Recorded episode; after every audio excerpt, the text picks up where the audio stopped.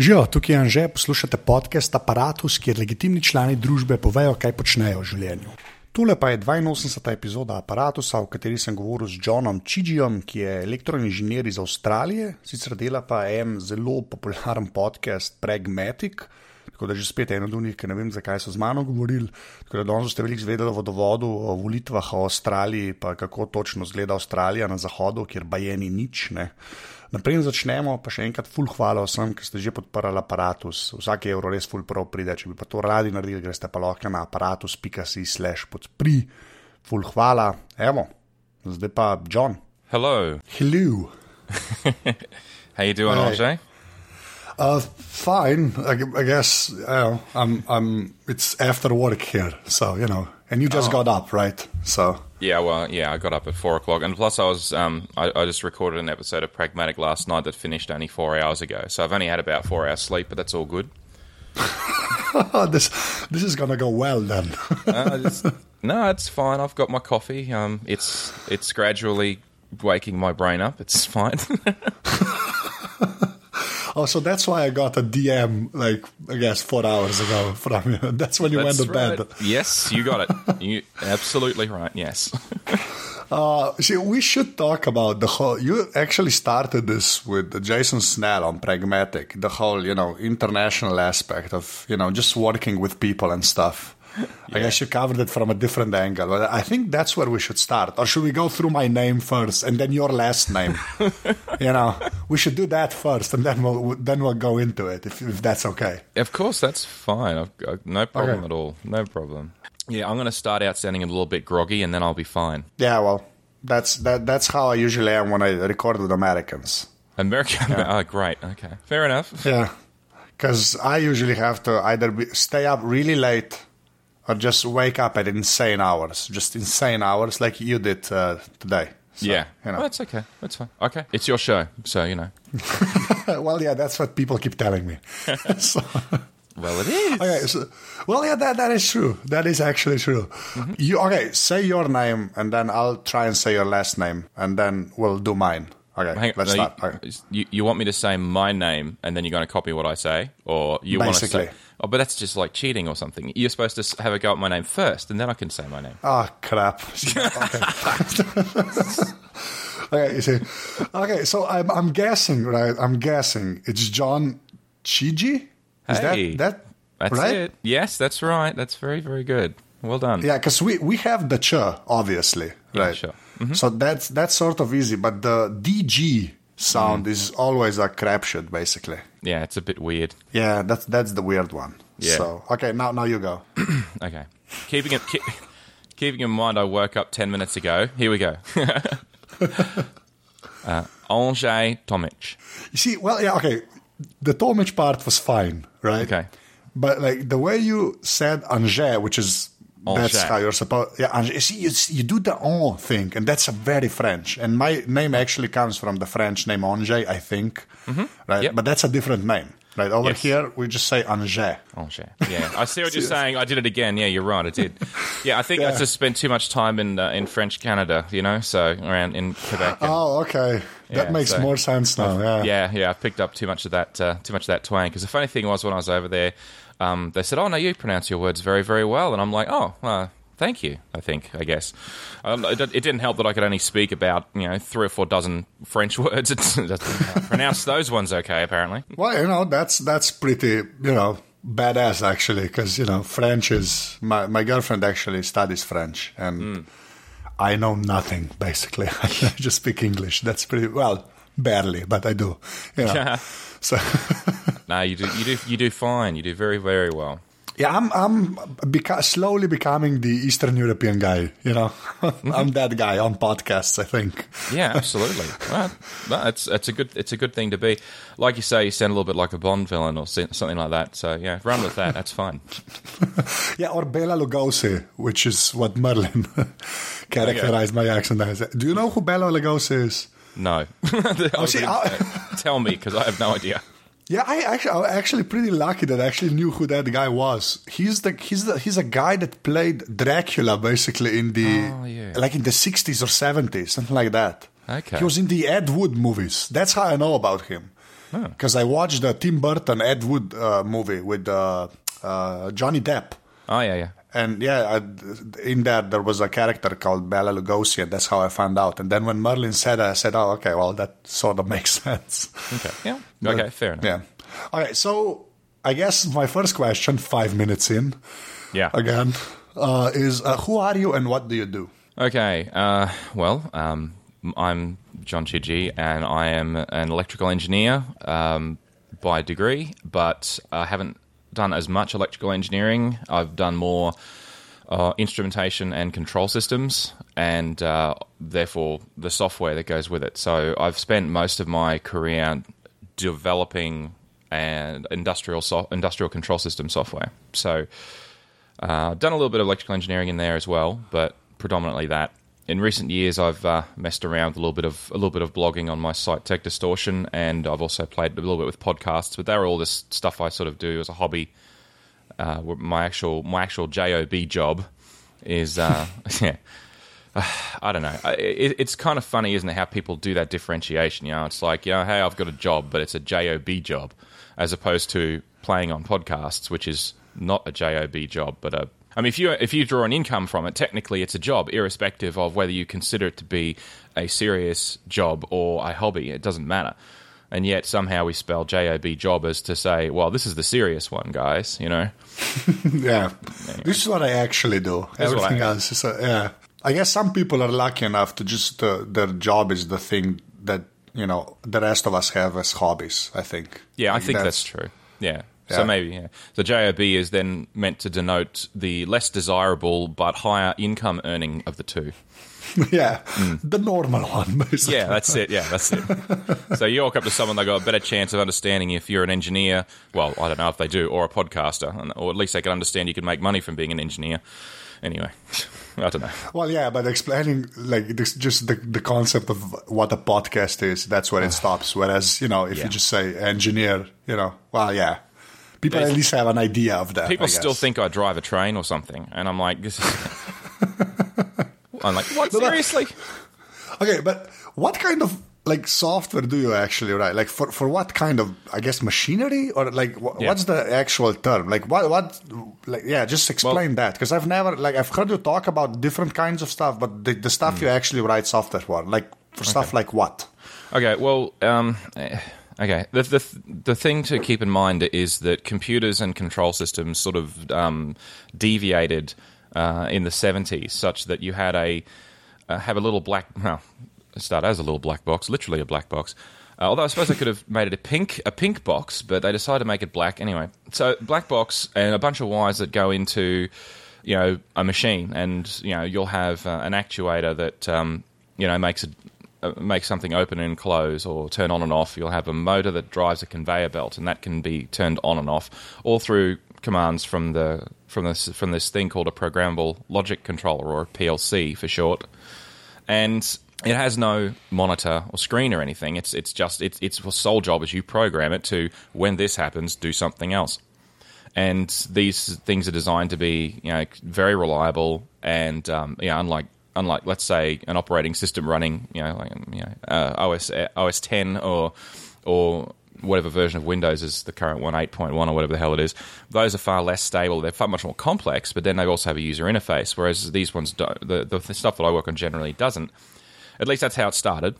And then, of course, as computers sort of went along the way, they developed uh, SCADA systems. And SCADA is just a- another name for it. stands for Supervisory Control and Data Acquisition.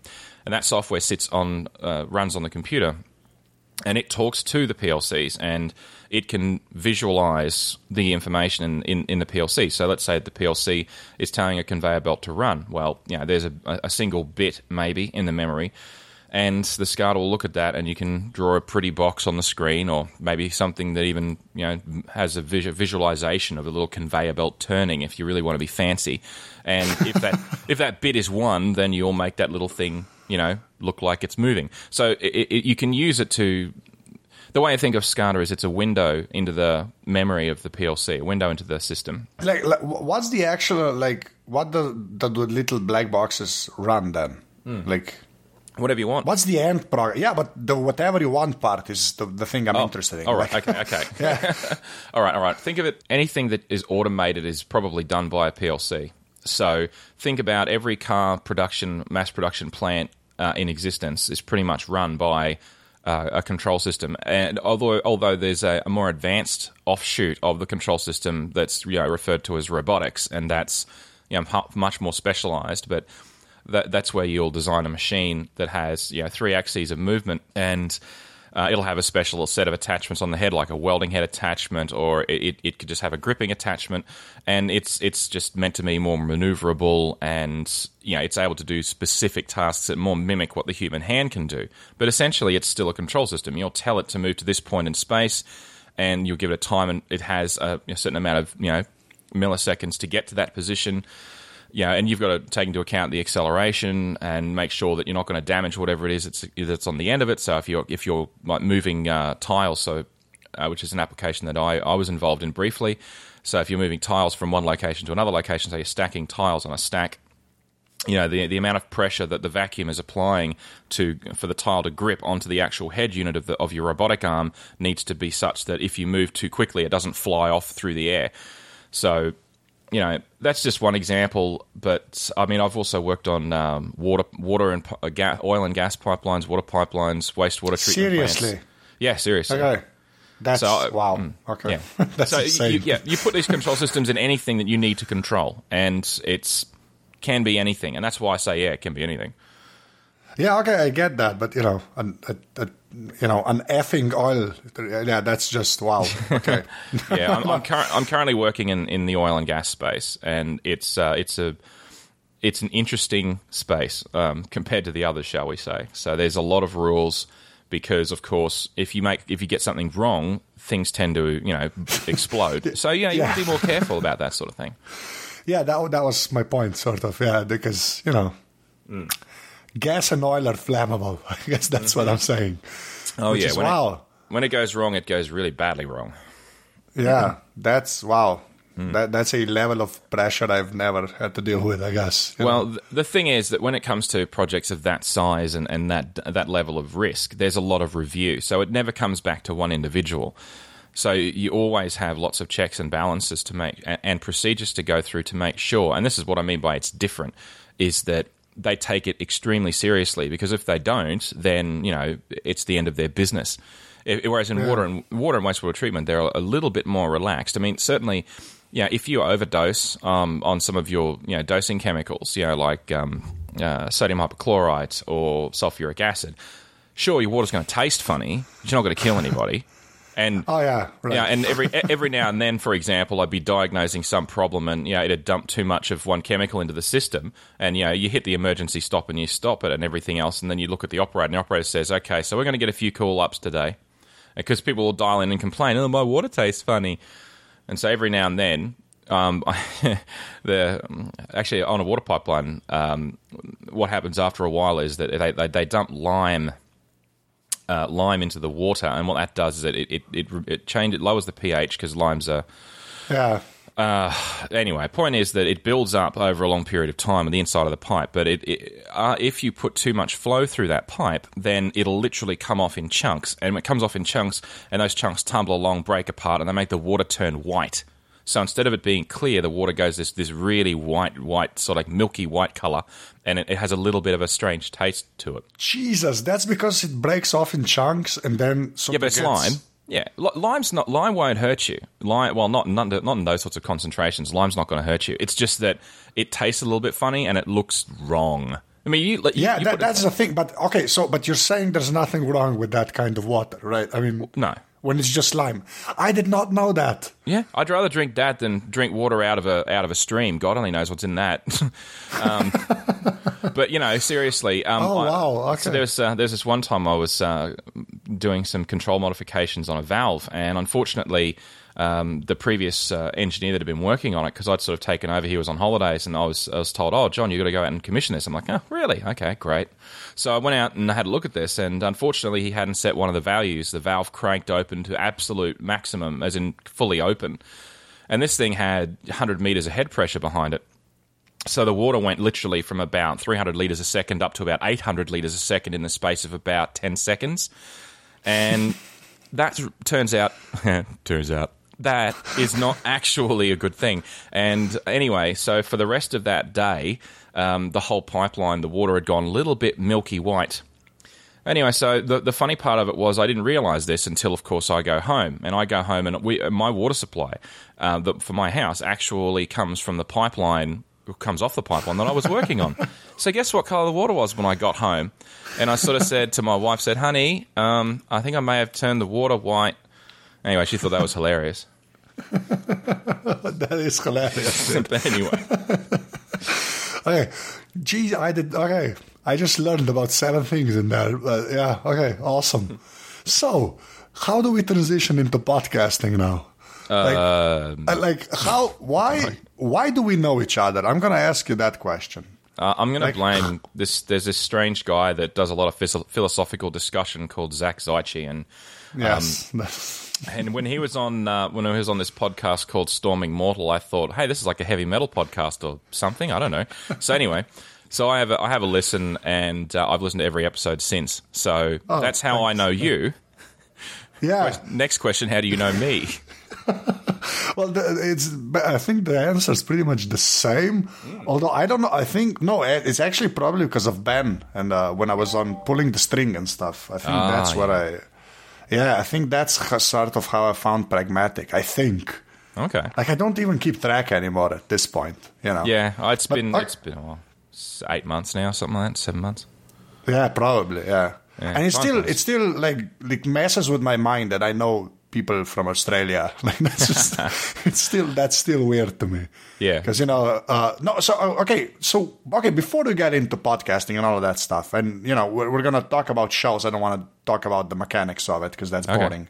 Yep. But b- b- before we do that, that the thing you talked with Jason, I'm gonna put that uh, that uh, uh, pragmatic episode into the show notes. But Sure. like, how do you see that? Because you're the guy from Australia, and when you touch the whole, you know, tech corner of the internet, it's predominantly Americans, right? Sure. I mean, that's that's sort of how I see it. So, like, what's that like for you with the time difference and everything else? See, the thing is, we talk about this on and off the, the whole time zone problem, and I mean it is a problem. I even did. Um, I touched on it briefly on an episode, a couple episodes of Pragmatic. Now it's just for me, it's something that I've already been dealing with um, before podcasting. So if you go back to when I worked at Nortel back in 96, 97, sorry, when I was there, uh, we were working ac- across multiple offices. The, the predominantly we were working between Cal because I was living in Calgary, well, based in Calgary predominantly. Although I spent a bit of time living in Ottawa and a little bit in Richardson in Texas, but the truth was that there were different time zones there. Plus, we had an office in uh, Maidenhead in England. So I was, and of course, I was calling home to you know my family back in Australia at the time. So I got very used to getting my head around time zones uh, before podcasting even existed. It was one of those things that um, you know you could make a phone call to the other side of the world. It was not it was not a, a new thing. It's just now that more more and more people are getting uh, involved with podcasting, and they realize the whole issue of trying to line up a time. It's not. It, it's annoying. uh, not. as- you know, because I, I sort of reached this realization that if I want to have conversations with these people and talk about the things that I want to talk about with them, I'm going to have to get up at stupid o'clock and have that discussion. And you know what? That's fine. It's not my fault. In well, I say it's not my fault. I guess really it isn't my fault that I was born in Australia. That yeah, I now live in Australia. I mean, I lived in North America for two and a half years. Uh, if I was podcasting then, probably would have been easier. But you know, hey, I wasn't. So um, Yeah. You know, I did choose to come back to Australia when I when when everything went south at Nortel. But the truth is that you know, the world the world is the way it is. You know, you can't change that. And besides, there's also people that are really weird, and you know, they're up at like two or three in the morning, like Guy English. So you know, go Guy. That is true. Yeah, and Joe Steel. Yeah, I don't know when that guy sl- sleeps. Yeah, Like, and, and Zach's another example. I mean, they, I don't get it. They they have this weird sleeping pattern. For me, I traditionally have gone to sleep at night and woken up in the morning. That was until I became a podcaster, and now I don't know anymore. Ah, yeah, ah, yeah. I can totally relate to that. Uh, but okay, but in terms of like the audience, how do you see that? Who who, who is your stuff for? Do you know what I mean? Like when you do it, because like who is it for? Like, do you have a, uh, an image in your head of the people you'd like for uh, to listen to your stuff? Yeah, I sort of. I, I don't. I'll be honest. I don't overthink that, and the reason that I don't is, well, like I said, I lived there for two and a half years. Uh, uh, when I was living in Calgary, I worked with a lot of Americans, and of course, uh, oddly, when I was working in Texas, I worked with a lot of Americans. Um, yeah, isn't it funny that? And when I was working in Australia, in Australia, uh, my first job out of university, a company in Sydney called Com10, and you know, my, my boss was a uh, was from Boston, and you know, then when I was in working at Boeing, we had several Americans. Where I currently work, I have there's several Americans I'm working with. I've been working with Americans on and off for a very long time, and I really don't, I don't see, I, I just don't see an, any kind of nationality thing. I, I, it's like you know, You see, but that's uh, that's the interesting part to me because mm. I think like that sort of even for me with my English side, right? It's that sort of goes away. Like I thought that would be harder to achieve, if you know what I mm. mean. Like to just sort of just think of it, the internet as the place where this stuff is, you know. Yeah, I don't know. I just always figured it'd be tougher, but I, I'm I'm seeing this more and more. Like people just put stuff out. I guess it has to be in English if you want to, you know, uh, do stuff for the Western audience. But you know Yeah. that that's as far as it goes. And I always figured it'd be there'd be more barriers somehow. And like I just get people talking like like you even. You know, you just you, like we're talking, and to me it still feels sort of wrong. Basically, crazy. Like, it's crazy. yeah, Yeah, it it's- is. Yeah, it is. It's crazy in a good way, but I mean, the, the thing is, uh, you look at the world and how, how much of it speaks English either as their first or their second language, and you know, it's it enables so many things. I absolutely love the internet. I think it's incredible, and the fact that you and I are even able to do this at all uh, is extremely cool. So, um, the other piece that occurs to me though when you ask me the question about you know how do I see you know my audience is I, I will try to temper things like temperatures and distances and, and, and weights and try and try and give them in both values. So you know I'll give it in kilograms and pounds if I've if I've prepared well. You, you can usually tell when I've run out of time preparing because I'll only quote them in one set of um, you know imperial or metric units. And yeah, you're sort of you can nod knowingly to yourself as in, in the audience as you're listening and thinking, yeah, John didn't didn't didn't uh, didn't get enough prep, prep time on this one. So anyway, Well, I I think you should just do it in metrics because you know. yeah, well, you would say that, wouldn't you? but, yeah, Yeah, well, yeah. well, it's the one that makes sense. Right? yeah, well, uh, you're right. It does make sense. I mean, honestly, It's the yeah the pound thing and the ounces and it's it's all made up. It's, It's just fairy it's like base ten. It's base ten, guys. You know, come on. it's so simple. Just move the decimal point. You know, as soon as you start doing this crazy stuff with you know, anyway, but it's it's fun. It's fun.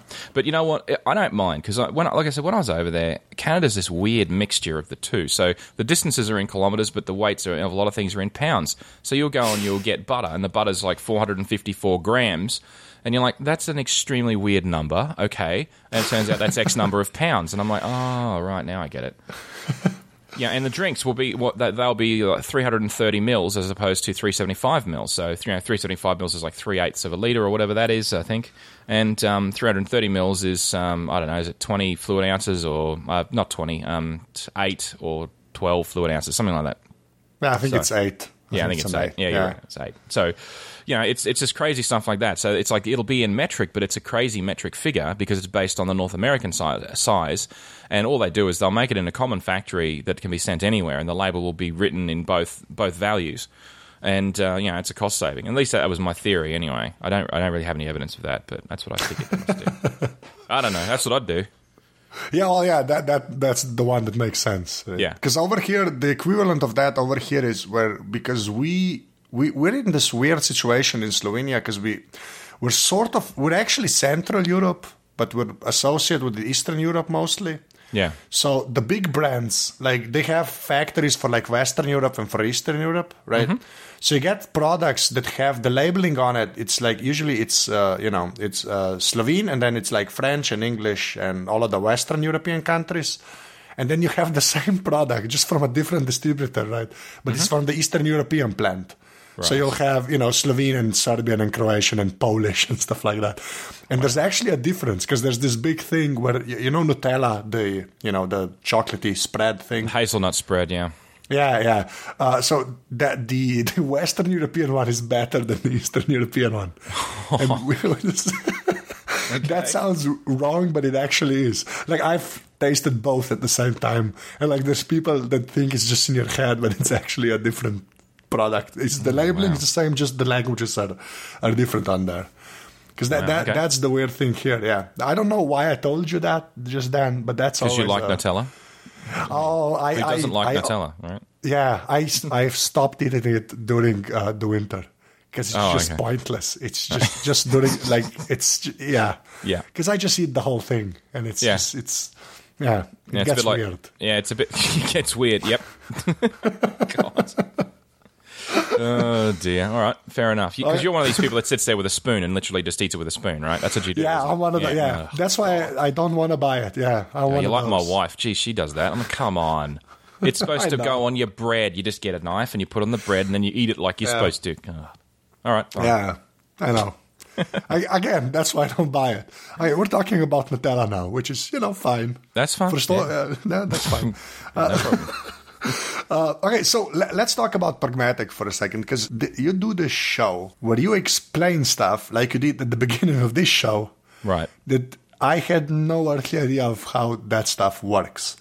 So just pitch the show. So when people hear this, if they haven't listened to it, I'm like specifically talking about people in Slovenia because I think it's a great show. But like just pitch it for what it is, and then I have a couple of questions. But just yeah, go. All right. Well, what I what I try to do with, with pragmatic is I'll take a topic, usually usually a technical topic or a topic that affects uh, technology in some way, and I like to break it down and try and go through each of its components and explain the reason why it is the way it is, and try and come out of it with something practical that people can take away from the podcast and apply in their life every day.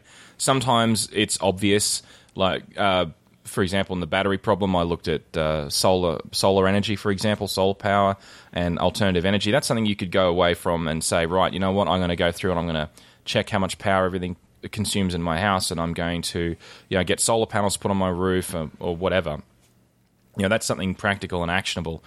Another one's a little bit less tangible. Um, but most recently, though, I also I had um, Jason Snell guested on the show, and you know we talked about writing, and, and there's a lot of really good stuff in there. Jason uh, went, and I went through regarding you know how to get your stuff published if you want to get into tech writing. Uh, and you know, good way, good good practices for writing. So I try to I try to have something I, what I didn't want when I did pragmatic, what I didn't want is I didn't want to have a show where I just complained about everything and that was the end of the show. I wanted to actually have a point at the end of it and say, well, you know what, Th- this is how you could use this. This is how you can apply this. This is you know been worth your time. that's what I want to do. Whether I succeed or not, I don't know, but that's what I try to do. Well, yeah, you, you do succeed, you know, because like the memory episode was just I. Yeah, how did that come about? Like you choose, you, you have a we- weird, strange range of topics. You do know that, right? Yeah, I do, I do. And and the reason that it's we- if you look closely and you, you think about what other people talk about on on tech podcasts, um, I specifically don't cover the topics that most other people cover. And the reason that I do that is because I feel like everyone else has done them to death. I mean, how many times I, I steer clear of things like current events and oh, Apple released X today. I may mention them in passing, but that's never the main topic of the episode. It'll always be something related to it, but not specifically that, because there's that many people out there talking about it. Do I really need to talk about, you know, the smartwatch that just came out or something? It, to me, you know, I, I want to cover the stuff that no one else is, co- is talking about, or very few others are talking about. And there are engineering podcasts out there, but the problem that I've got with a lot of them is that they're all very, I don't know, inside baseball. It, it- they all, the entry level to understanding them is very high. Don't get me wrong, they're great for me, certainly knowing the lingo, but I don't want to produce a podcast like that because, you know, that, that has a very narrow audience, and frankly, you know, that doesn't really, all I'm doing is I'm talking to people that already know what I'm talking about as opposed to Yeah. you know talking to people that are interested to know what I'm talking about, but ordinarily they couldn't listen. There's a there's another podcast I listen to called the Engineering Commons, and uh, and it's it's it's wonderful. But I mean, if you're not an engineer, um, you know, try listening to it. I mean, they, they, they talk about all sorts of stuff in there that's very very technical, but it's um, which I love. But you know, it's I would say that the entry level is much higher. So I try not to. I try to yeah, try to keep it at a level that that's not quite that intense, if that makes sense. Yeah, well, yeah, because you try and make it for you know normal people like me, not somebody with an engineering degree. You know. Yeah, well, that's right. I mean, I don't want to, I don't want the entry level to be you must have an engineering degree to understand what I'm talking about. I just don't. I want, uh, if, and if that ever happens, then you know it's time to end the show. So, Yeah. Well, I have a political science degree, and I love your show. So you know Oh, that thank you. you have that going for you. cool. All right. yeah, not, not just a political science degree. I uh, the the the actual uh, uh, path in there was uh, public administration and uh, policy analysis. So you know that sounds Okay. fancy. It sounds know. different. Yeah. Yeah, I don't know why, I'm, why why I have a sort of tech podcast and why I'm a tech writer. Nobody does really. I was going to ask that. Shouldn't you be like analyzing some kind of um, yeah? I don't know. what do you do? Yeah. yeah, no. So I now, am, now I'm in your shoes, right? You're like, what do you do? Who are you and what do you do? And I'm like, hang on, hang on. I thought I knew who you were. Yeah, no, I'm, I'm the I, I, I'm oh, I am many things at this point. I think, but Okay. yeah, uh, I'm the online editor of a uh, you know I guess a political magazine now, Okay. which also has the same publisher also owns the tech magazine where I, that I write for, Okay. and I do many podcasts. How many? I've always wondered, and I never counted. Uh, well, it's three, I guess. Oh, okay. But my yeah, the network I run has eight shows on it, but Mm-hmm. I am not on the other uh, five shows. Yeah. Well, I've I- been ga- a guest on a couple of them, but yeah. Yeah, and based on everything that I've I've understood, uh, when we when we talk on Skype, you're actually because Slovenia is a in relative terms a smaller a smaller area to cover. Um, Yeah. You tend to interview people face to face rather than via Skype. Is that that's generally the case as well? Is that true? Uh, yeah, yeah. I think Yeah. like the, the the ones that I've done uh, over Skype was basically you guys, you know, the foreigners, Yeah, and with the- uh, yeah, and a couple of guys in Slovenia that I knew had a mic and stuff, you know, Sure. that, would, that it actually would sound good. Well, I'm. I'm. Funny thing is, here I have never actually interviewed someone face to face. Mind you, none of my podcasts are actually interview podcasts, but um, you know what I mean. I've never actually done a podcast recording with someone in the same room as me, so that would be like completely f- weird to me. No, hang on a minute. Do, should I look at you right now? Uh, what's appropriate? Oh, it's it's actually better in a couple of ways, but you know, Oh, yeah, sure. it's easier over here because we're small, you know. Well, that's fine. That's good. It's all good. Well, it's it's not a bad thing. We have a small population, but we're spread everywhere, so over in a ridiculously large area. So you know, it's a it's a different kind of problem. Hmm. Yeah, I want to talk to you about Australia actually, because I do this thing on this show where you know I just talk to people about the places where they live. Because I, Yeah. I, I think I get like, and even my listeners get more from somebody just lives there and is not like you know the the vice president of the tourist board or whatever. Like, Yeah, that's the- it. Yeah. so so okay, there's this is weird question I have, but I actually have it written down. So just bear with me. The elections over there, because we just had an election here, right? Oh yeah. and we had like really low turnout and stuff because it was an uh, I guess an extraordinary I don't know what it's called but it's it, they came early like the elections came early Oh, yeah, right, Uh, right. so yeah so they, they were during the summer and you know people have holidays and stuff and it was really like low turnout and you guys have mandatory voting right Yes, we do. Okay so how does that work in practice if you actually didn't show up to vote like what would actually happen Okay, well, it's it's it's pretty straightforward, really. When, you turn eighteen, uh, okay, so when you're born, you get a birth certificate that says, "Hey, you were born, and this is your name and date of birth, and these were your doctors, and this is where it was, and blah blah blah blah blah, all that other rubbish." So they know who you are. Okay, they can find you, I guess. anyway. So, um, I'm making it sound like a Gestapo thing, but look, the truth is that you know they they keep track of who everyone is. So when you turn 18, then you are required to vote, and once you register to vote, uh, there your name goes on a magic list. Now, if you don't register, you get into a lot of trouble uh, because they can track you down, and they will track you down. So you register, and once you're one, once you're on that list, it's a simple thing of you know you show up at any old voting booth that you would like, and I say voting booth, it's like so they'll use uh, you know like uh, churches or community halls or schools, typically a lot of schools, uh, public schools, and you know you'll go in there and go into a little you know cardboard voting box that they they put together like a you know little, little Lego set anyway, and um, you vote. But in order to get the voting slip, you have to go up to the front and say your name and usually show your driver's license to prove you are who you say you are. And then But you can go is- wait, but you can go into any like voting station. You Yeah. don't you don't have to.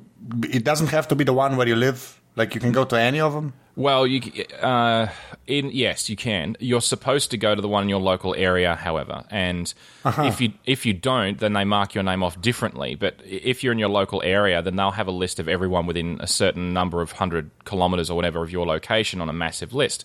And so they'll literally go through and they'll get a ruler out and they'll you know put a line through your name and say, right, you've voted. Here's your well, you haven't voted, but you've shown up. Um, you're crossed off the list, and here's something a piece of paper you can now fill out and vote. So you go and do that, and you you know you go into a booth and you you know fill in the form, then you put t- fold it up and tuck it into the box as you walk out. It's anonymous insofar as they can't match up your name with what you voted. However, uh, you know, obviously they know that you showed up to vote. So, and that's how they figure out if you didn't. So, if you don't Uh-huh. go to any voting booth and don't get your name marked off or written down or noted that you were there, then they'll go through that list. They'll go through the registered voter list, and they will figure out uh, that you didn't show up, and they will they will fine you. As in, they'll find you and they'll fine you. so it's both, and and then you you're up for a few hundred dollar fine or so on. Yeah, and Oh, so it's a few hundred uh, Australian dollars. That's Yeah, the fine. Yeah, I think I think it's a few hundred dollars. I've never been fined. Okay, I'm a good boy. I always vote. But, you know, but yeah, people do this thing. It's it's a uh, it's a silent protest. It's a bit sad and pathetic, to be perfectly honest. But you know, they, they they get a kick out of it, and you know, hey, that's the nature of freedom. People can do what they want, even if it's you know like pointless and stupid. So here we go. What you, they do is, well, I don't really want to be here, hands on hips. So I'm going to go and vote invalid. So you know, it says tick one box, and there's there's five boxes. It says tick one box, let's say. So you'll go, they'll, Yeah. they'll go and tick every box, or they won't tick any boxes at all, or they'll put crosses in the boxes, or they'll write, you know, a diatribe or a poem or something, and then they'll submit that. So they've they've essentially showed up, got their name crossed off, so they wouldn't get fined, and then re- did not vote a valid vote, and then they walk out again. And I'm like, what what the what the where why? you can't make me vote. And I'm like, well, they did. They made you show up. They made you walk there. You're just the idiot that didn't fill it in properly. But, uh, anyway, No, that's so awesome because there's this whole like every time we have a low turnout here, right? Hmm. That that's the conversation. Like at some point, there's a guy on the news saying we should have mandatory voting, and and then there's another guy that says, well, yeah, that's fine, but we should the the one of the boxes you sh- you should be able to tick is basically the I don't give an F. yeah, that's box. that's it. I don't. I do. Not, I choose not to participate. Yeah, basically, and that's why. What, yeah, that- that's basically what you described, right? Just somebody Yeah. writing a poem on the thing and just doing that. But seriously, that's so. That's one of the. That's why I wanted to talk to you uh, about this because it's you actually have that there and like stuff. You know, you guys are okay, right? I mean, it's Well, not, thank you. no, but I think like was there ever a debate? And I'm sorry for, for putting this on you because you're just No, an no. Australian, you know. But Yeah, like, was there ever a debate there where it's where that uh, where, where mandatory voting was sort of you know was considered too creepy with the government, like you said, you know, having a list and stuff, and you know, basically making you do your duty, I guess, democratic duty. Like, was there ever a debate about that? I am I'm not aware of one. So far as I know, it's the way it's always been. But then I'm, you know, I would for my entire lifespan, you know, it's like what nearly 38 years now. That's all I've known. So there may well have been a time where that was not the case, but I don't believe it. I don't believe so. I believe that since we've had elections that they've been mandatory. So th- at least that's what I believe. And and I mean, there's been all sorts of you know debate slash well, I'd, you'd call it a referendum, but wouldn't that be hilarious? Here, I'm going to hold a referendum that's not mandatory about whether or not referendum should be mandatory. Um, yeah, that could work. no, so you know. Uh, but anyway, now seriously though, they'll have referendums on, on topics like, oh, do you want daylight saving? You know, and then you say no, and then they say that's too bad, we're going to put it in anyway. Oh, it's that's. I think that's the, it, that's the same everywhere. We we have we've had a bunch of them, and over here with the referendums, since they're not mandatory, like nine percent of the voting public actually shows up. Yeah, They're Well, just with- pointless. Yeah. So what they do with uh, referendums here is they'll they'll tack them onto an election. So if there's a local government election or a state government election or a federal election, they'll hold off the referendum and they'll just simply tack it on the end so that you don't have to go especially. And if you look at it, it works out. You go to vote roughly once a year. So you know they sort Oh, of, you see, yeah. But over So, here, there's a new law that basically makes that impossible because there's a quorum now for the referendums because like the political parties basically just use them for you know uh, political points. They just put stupid questions up there because the the Okay. You know the you just needed I don't know like forty thousand signatures to get the referendum or something like that. I'm not sure about the exact number, but it's a low threshold, right? Okay. So now there's a quorum, so a, a certain number of people actually need to show up and vote for the thing you're referenduming, right? Okay. And yeah, and because that's the case, you can't do it the same at the same time as the election. So it has to be a separate thing, which costs oh, more. Oh, man, it's just, well, yeah, but it's better because now there's less of a chance that they'll actually go through. Because before we had some really stupid ones, right? Well, like, some you, really, you can only get Nutella from Western Europe because it's better. yeah, Yeah. yeah, yeah, yeah, Well, that makes like sense. that. That's sensible. Yeah, well, yeah, that would be an awesome box to tick, basically. Yeah, well, get get on it then. Yeah, petition your local member or whatever they do, whatever you do that. These are over there. Sorry. that would be that would actually not be that out of place, probably. I think. yeah, you're starting to worry me. I was I was kidding, and you're oh, hang on, that could work. Yeah, don't put ideas into my head, John. Just don't. Yeah. All right, all right. I'll I'll behave. Okay, so about like w- which part of Australia are you from? Because the closest thing I could find of any note was Bris- Brisbane, Brisbane. No, you got it right first time. Brisbane. We, Oh, we call Brisbane. it Brisbane. Yeah, a lot of ah, people Oh, call okay. it Brisbane, and it's I understand why because if you take the Bris off the front, it looks like Bane out of um, you know uh, Batman. God, Batman. Yeah, thank you. So, God, and I'm not going to do a Bane voice. So Yeah. yeah. uh, Sometimes no, I'm not. Anyway, all right. So No, I live in yeah. No, I'm not. Moving on. I grew up in a town called uh, Rockhampton, which is a uh, literally a small country town. And I say small country town. I mean, it had about fifty-five thousand people when I was living there. So if you call that a country town, I mean, you drive west for about six, seven hours from from Rockhampton, and you get to a place called uh, Barcaldine. And out of Barcaldine, they've got about oh, I don't know, three hundred people. That's a country town to me. But Okay. you know, now I live in Brisbane. Brisbane has about one and a half million people within the Brisbane city limits, and uh, it's up to about three million if you include uh, what they call Greater Brisbane, which includes the uh, Gold Coast, Sunshine Coast, and uh, um, uh, it, that that's yeah, that's a, a fair bit more, but it's a much bigger area. So anyway, point is that from a Brisbane point of view, Rockhampton is a small country town. It's all relative, but in any case, I lived in I live on the east coast of, of Australia, like the vast majority. I think it's something stupid, like eighty five percent or something of Australia's population uh, live on the east coast, and it's all and, and it'd be almost hundred percent if it wasn't for Perth on the other side, because Perth's just got over a million people living in it. Um, but apart from that, there's nothing in Western Australia. Like no one else lives over there. There's hardly anyone. So, you know, Like why? well, because there's nothing there. Yeah, but there's a coast there, right? Oh, So sure, usually- and it's beautiful. It's absolutely beautiful. But you know, so I did some work uh, at a little place called um, Exmouth, which you know I challenge you to find that on a map. But anyway, it's in um, it's in Western Australia. It's around about the Tropic of Capricorn or thereabouts, anyway. And um, if you find on a globe, and as we were flying in, because yeah, you're flying in these uh, uh, old turboprop Hawker de Havillands and as you're flying in uh, relatively not that high because it's yeah it's a turboprop it's not a jet. So you're flying in a, and you're not too high up above the ground really.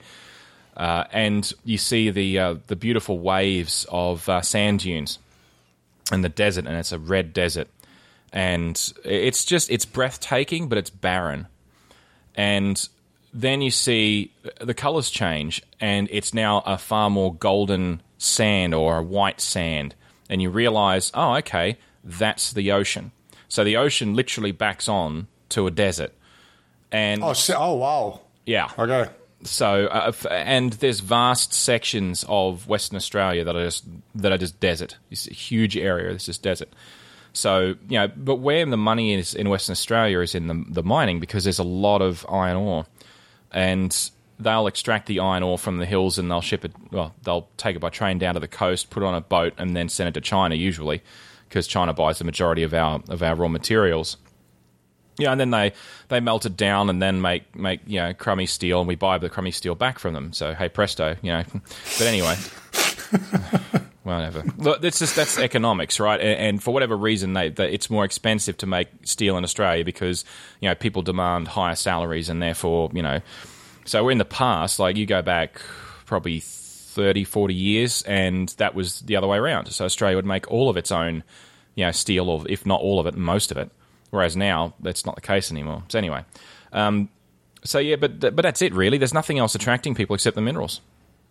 So Oh, okay. you know, yeah. Whereas with Perth, it's in the south. Uh, sorry, yeah, it is the south southwest corner of the state, pretty much on the Swan River, and uh, it's beautiful and green. But it is the exception.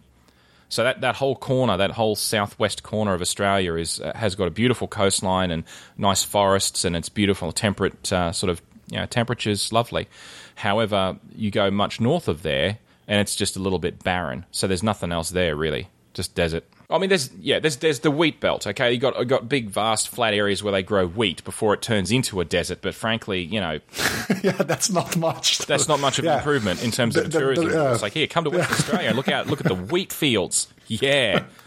yeah, that, that's the that, that's the, that's on the CNN commercial. Yeah, that's it. It's whoever the tourism board loses their job if they do that. But anyway, Okay, then one more thing that I actually found from Australia, which Hmm. I thought was hilarious, and then I, I've sort of never seen it again. It's uh, Okay. the the chaser. The, oh, the, Chasers war on everything. yeah, yeah. Okay. Like like the, do people actually watch that over there? Well- I'm just asking. The qu- quote, "the people watch," you know, end quote. Uh, I'm not one of those the people that watch it. Um, I find it to be an infuriating show. I, Okay, we should explain what it is. well, it's a what is it though? It's, it's a bunch of guys running around annoying people. I think isn't that what it is? I don't know. well, uh, well, yeah, but they do have their moments, right? Yeah, Or I know they have their moments, but I just I find it's like some, okay. So imagine a gr- this. This is the weird part. Okay, so there's a state-run media uh, section. Now, that's the ABC, the Australian Broadcasting Corporation. Yeah, it's it's analogous to the BBC. You know, from from the UK, the British Broadcasting Um. Corporation. So yeah, and it, it, when I say it's analogous, it's it's kind of like a carbon copy. So Yeah. they get all their funding from taxpayers' money, and you know they they have produce all their own content and so on. Okay, nothing really we extraordinary. we have we have the same model, so yeah. Yeah. Okay. Cool. So there you go.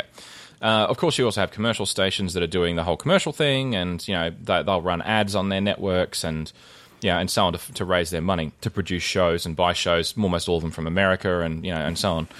But the point is that um, the Chasers War on Everything is a show that was that's from the ABC, and it, the concept, as I understand it, and you've got to realize I've only watched a handful of episodes because I couldn't stand it. So if I if I mangle this, you know, uh, please email Ange. Don't don't don't email me. So um, which and I, I shamelessly ripped that off Marco because well apparently it doesn't actually work. So anyway, you, you say people don't email me, and instantly they think I need to email you now Yeah. anyway, never mind. Uh, so, right. So the Chasers is a, is a bunch of people that go around and, and, and harass or sort of get in the, in the face of a bunch of other people, and they'll, they'll, they'll crash like certain events and, and go up to. They have no no problem walking right up to the prime minister and just asking them insane questions and and. And, and pranking sometimes they'll do pranks on some people and yeah and it's all filmed and then goes onto the TV and yeah uh, I don't know. I don't Okay. get it. I don't. I don't Okay. like. I don't like that sort of thing. But you know, whatever. to each their own. Well, yeah. So you're the you're the guy that likes Crocodile Dundee. That's the other extra Australian Hey, thing. what's wrong? With, I like Crocodile Dundee's funny. But see, the thing is, I spent when I because in Rockhampton we were about two blocks, two city blocks away from the bush, and I used to go bushwalking all the time. Yeah, it'd be this thing you do on the weekend. Yeah, get your backpack, put some food in it, and uh, a drink and compass, and just just go. You know, this is before mobile phones. This is before you know any of that stuff. And when I got a bit older, I carry around a CB radio in case I got into trouble. But you know, and I just I used to just go, and I love watching you know the first two Crocodile Dundee movies. Anyway, for the portions that they're in Australia, it's just it's brilliant because it's you know that's my backyard, and it's not often that you see you know the backyard, uh, my backyard in Australia on film. You just don't. You know, on a, certainly not in a popular movie like like Crocodile Dundee was. Mind you, it's getting on a bit now. Jesus, what twenty five? Oh, more. Yeah, twenty five easily. yeah. It was the 80s, right? So it was, Yeah, that's yeah. I think yeah. yeah. it was the 80s, but yeah, Yeah. not far back. Yeah. Wow. Yeah. Okay. Anyway. So I, I, I yeah. Thank you, you know, John, for that, you know, extensive Australia. Yeah, yeah, no problem. No yeah, problem. that should be a pamphlet. Like. You reckon? Okay. Yeah, I think I think so. You know, Yeah. with the you Well- know, don't go to the west uh, Oh, part yeah, of the country. if you're going to go to the west, all I'm saying is all there is is Perth, okay? Unless you like, Yeah. you know, wheat fields and desert. But yeah, if I had to recommend a part of Australia to go to that's beautiful, that I think is really beautiful, I'd suggest Tasmania because yeah, it's a beautiful, much cooler climate, and it's just yeah, beautiful, beautiful forests everywhere, and you know, it's it's not busy. It's just it's. like- I mean, the capital city of Hobart is you know, uh, it's a little bit bigger than Rockhampton, but you know, it's just you know, this it's not a hectic pace. The rush hour doesn't last long. It's it's just you know, it's nice. Whereas you know, Brisbane's you know, freeways and tunnels everywhere, bridges and you know, massive train network, and which I'm riding on every bloody day, pretty much, and you know, lots of people, noisy. So I, I live out away from that. I live out. I've got an acreage north of Brisbane, so about fifty-six kilometres north of the CBD in Brisbane. So we're a fair distance out, but and it's lovely and quiet up here. But I pay for that because it's with a long commute. yeah. anyway. How long is your commute? Uh, it's an hour and a half each way. That's insane. Yeah, it is insane. That like no, ser that over here you can, well, not the whole country, Mm. but like three quarters of it. Like you, you that you that's it. It's, Yeah, well, on the highway, good- it's an hour and a half. That's Yeah. pretty much it. if I if I drove my car into the city at stupid o'clock, like I'm going to do today, actually, by the way. Um, I'm Oh, driving okay. in today just for a change. It's like the first time in a month I've driven in. But anyway, I'm going to drive in. I can do the trip in 48 minutes. So the problem is the public transport. So the public transport stops at too many bloody stations. Oh. So, you know, there used to be a Super Express that ran and, and they, they changed the timetable and that just makes me angry and blah, blah, blah. But anyway, whatever. I chose to live this far out. I keep telling myself, so i got to stop complaining at some point in my life. Ma- You um, what? However bad your uh, train situation is, the Hmm. trains over here are probably worse. That's all I'm gonna say. Okay. Now we can move to your hardware and software. Oh, okay. yeah. The, So what the train the trains just don't show up. Is that it? Well, no, well, they do show up. The timing is sort of. No, But I mean, uh, with, with Slovenia, is it is it uh, small enough that you could just walk everywhere? that, I'm. I'm being I'm being um, no, but that that's actually we like the highway system is Mm. pretty much built now, right? The last ten years, they we we built this huge cross across the whole country, the whole chicken, right? So, yep. Because it looks like a chicken. Yep, Uh, I know. so- I've been listening. Yeah. Yeah, so yeah, it's the the car is now the you know mode of transportation basically. Because from where I am in Ljubljana, that's that center almost right of the country. Yep, you yep. can go to you know you can go to the mountains and it's forty minutes, and to the seaside and it's fifty minutes, and that's it. Like you don't need to you know that yeah that's the that's the perk. Basically, Hmm. you have everything about an hour away. Everything like the flatlands, the mountains, the seaside, like the forests, everything's an hour away. Well, we're, I'm kind of similar actually where I live because I, I can drive for about um, about 40 minutes and I'm up into the mountains around the the D'Aguilar Range, and um, it's just lovely up there. And it's in summer, it's a great place to go because it's usually about oh, I don't know maybe maybe five degrees cooler uh, in the, up in the mountains than it is down at uh, where I am. I'm I'm not I'm not that much above sea level, uh, but there's no direct uh, road to get me straight out there if I were to go straight uh, to the east. So I have to drive a little bit north or a little bit south to get to the coast. But it's it's about 25 minutes drive, and I'm I'm at a uh, an ocean beach. So depending Oh, on which way. I go, yeah, depending on which way I go, I can have a sheltered beach, or I can go for a beach that has um, you know waves that you can surf in. Not that I can surf, but if I ever want to take it up, I suppose I could. Uh, that's not going to happen though. But you're Australian. You're supposed to surf, right? That's the stereotype. Yeah, I know, yeah. and I'm supposed to know how to swim as well, but I have some kind of qu- weird buoyancy thing where I can't float, so that doesn't work for me. I'm not going know. to. I'm just I like- don't know. I don't. I have to go to the dead. One of these days, I'm going to go to the Dead Sea to see if I can actually float. Apparently, everyone can, and that'll be you know like thumbs up. Finally, well, it's on my it's on my bucket list. I'm going to defeat my negative buoyancy. I'm gonna I'm going to do this. Awesome. Okay, so John, your hardware Okay. uh, and your software. Uh, let's Okay. start with your hardware. Okay. Um, so I have a uh, 2012 MacBook Air. Um, which I use uh, for both work and for home. It's my my own laptop. The company does provide a uh, Dell Latitude piece of garbage, which you know it- it sits on my desk at work in case I ever actually need it, which is practically never, and I'm totally comfortable with that situation. So. Yeah, my uh, it's a 13 inch MacBook Air. It's uh, two gigahertz on Core i7, and it's got eight gig of RAM and a 256 gig SSD. And um, yeah, apart from the battery life sort of getting a little bit worse, it's getting uh, it's about almost two years old now or thereabouts. So the battery's sort of getting a little bit uh, worse for wear, but it still lasts the duration of the train easily because Oh, yeah. I get to use it on the train for 45 minutes to an hour each way every day, and uh, it it holds up just fine for that. Even if I'm doing because I'll often edit podcasts on the train, and you know it, it holds up fine doing all that stuff. So uh, okay, so that's the laptop. Uh, I also have an i- a Retina iPad Mini, uh, Nice. which I which I love to use. It's uh, it's beautiful. I used to have an i I've had an iPad Air, and I've also had an iPad One, and uh, my kids have iPad twos predominantly. And honestly, I, I love the uh, the Retina iPad Mini. I wasn't sold on the Retina originally. I thought you know that, uh, who really cares about that? And then I saw a photograph on it, as in a, a high res picture, and that I'd taken on my uh, my iPhone. And when I saw that, and it just sort of that was sort of the moment for me that it clicked that Retina actually mattered at that moment. Because up until that moment, if you're just displaying text, if it's not as fuzzy, I don't really give a crap. I was like, I can read what the letters say. That's what I need. But then I saw a photograph on it, and I'm like, yes, okay, I get it. I like the Retina now. So, uh, and finally, my phone is an iPhone 5S, and uh, yeah, it's the gold one. And I stood in line, and I didn't get one, and it took me weeks to get one, but I finally got one. And now, of course, they're common as mud, and the whole thing is pointless. But never mind, I love my phone. So there you go. So those are my three bits of hardware that I use. they're all they're all Apple, and yeah, Apple must love me because I've gone and I've given them so much of my money. So yeah, go go Apple, I guess. Okay, and then your software, like, uh, let's do the iPad because that, that's what I'm predominantly interested in. Like any, like Hmm. the stuff you use on your iPad, iPad, the apps. Okay, well, the the app that I live in the most on the iPad, to be honest, uh, when I'm doing uh, when I'm working, and most of the time lately, I've been working on show notes for Pragmatic because I'll do that on the train as well.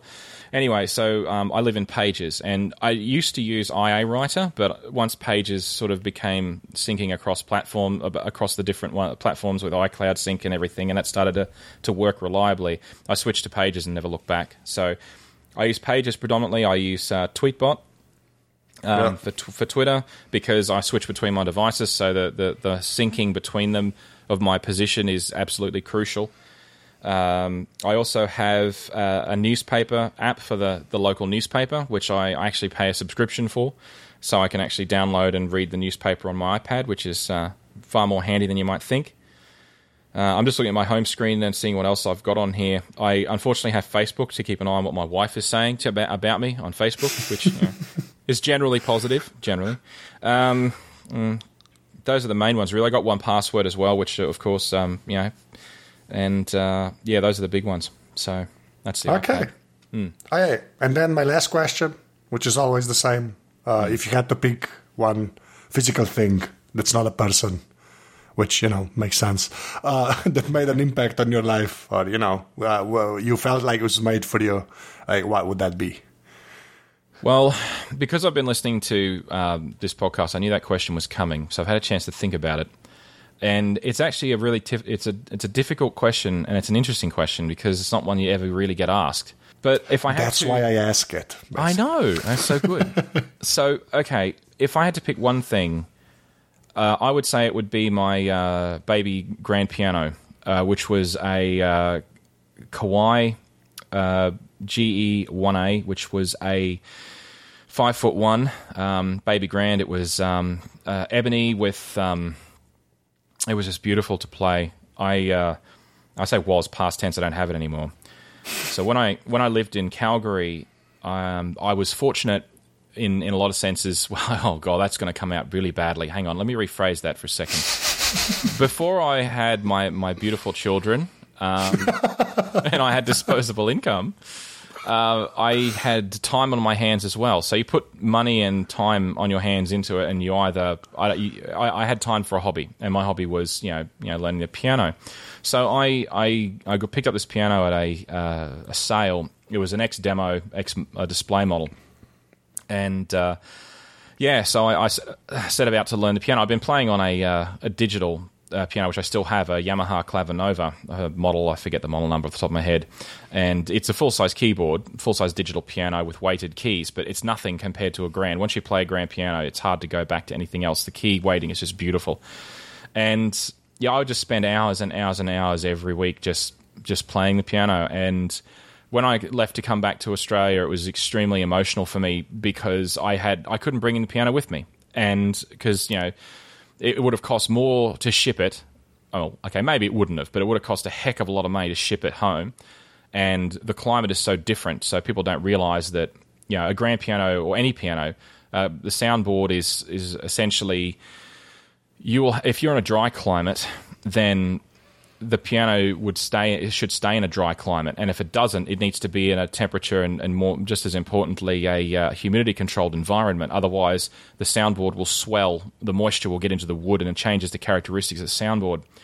So if you were to get the same piano but built for you know Australia, because the majority of people in Australia have got uh, will live by the coastline where the humidity is much much higher.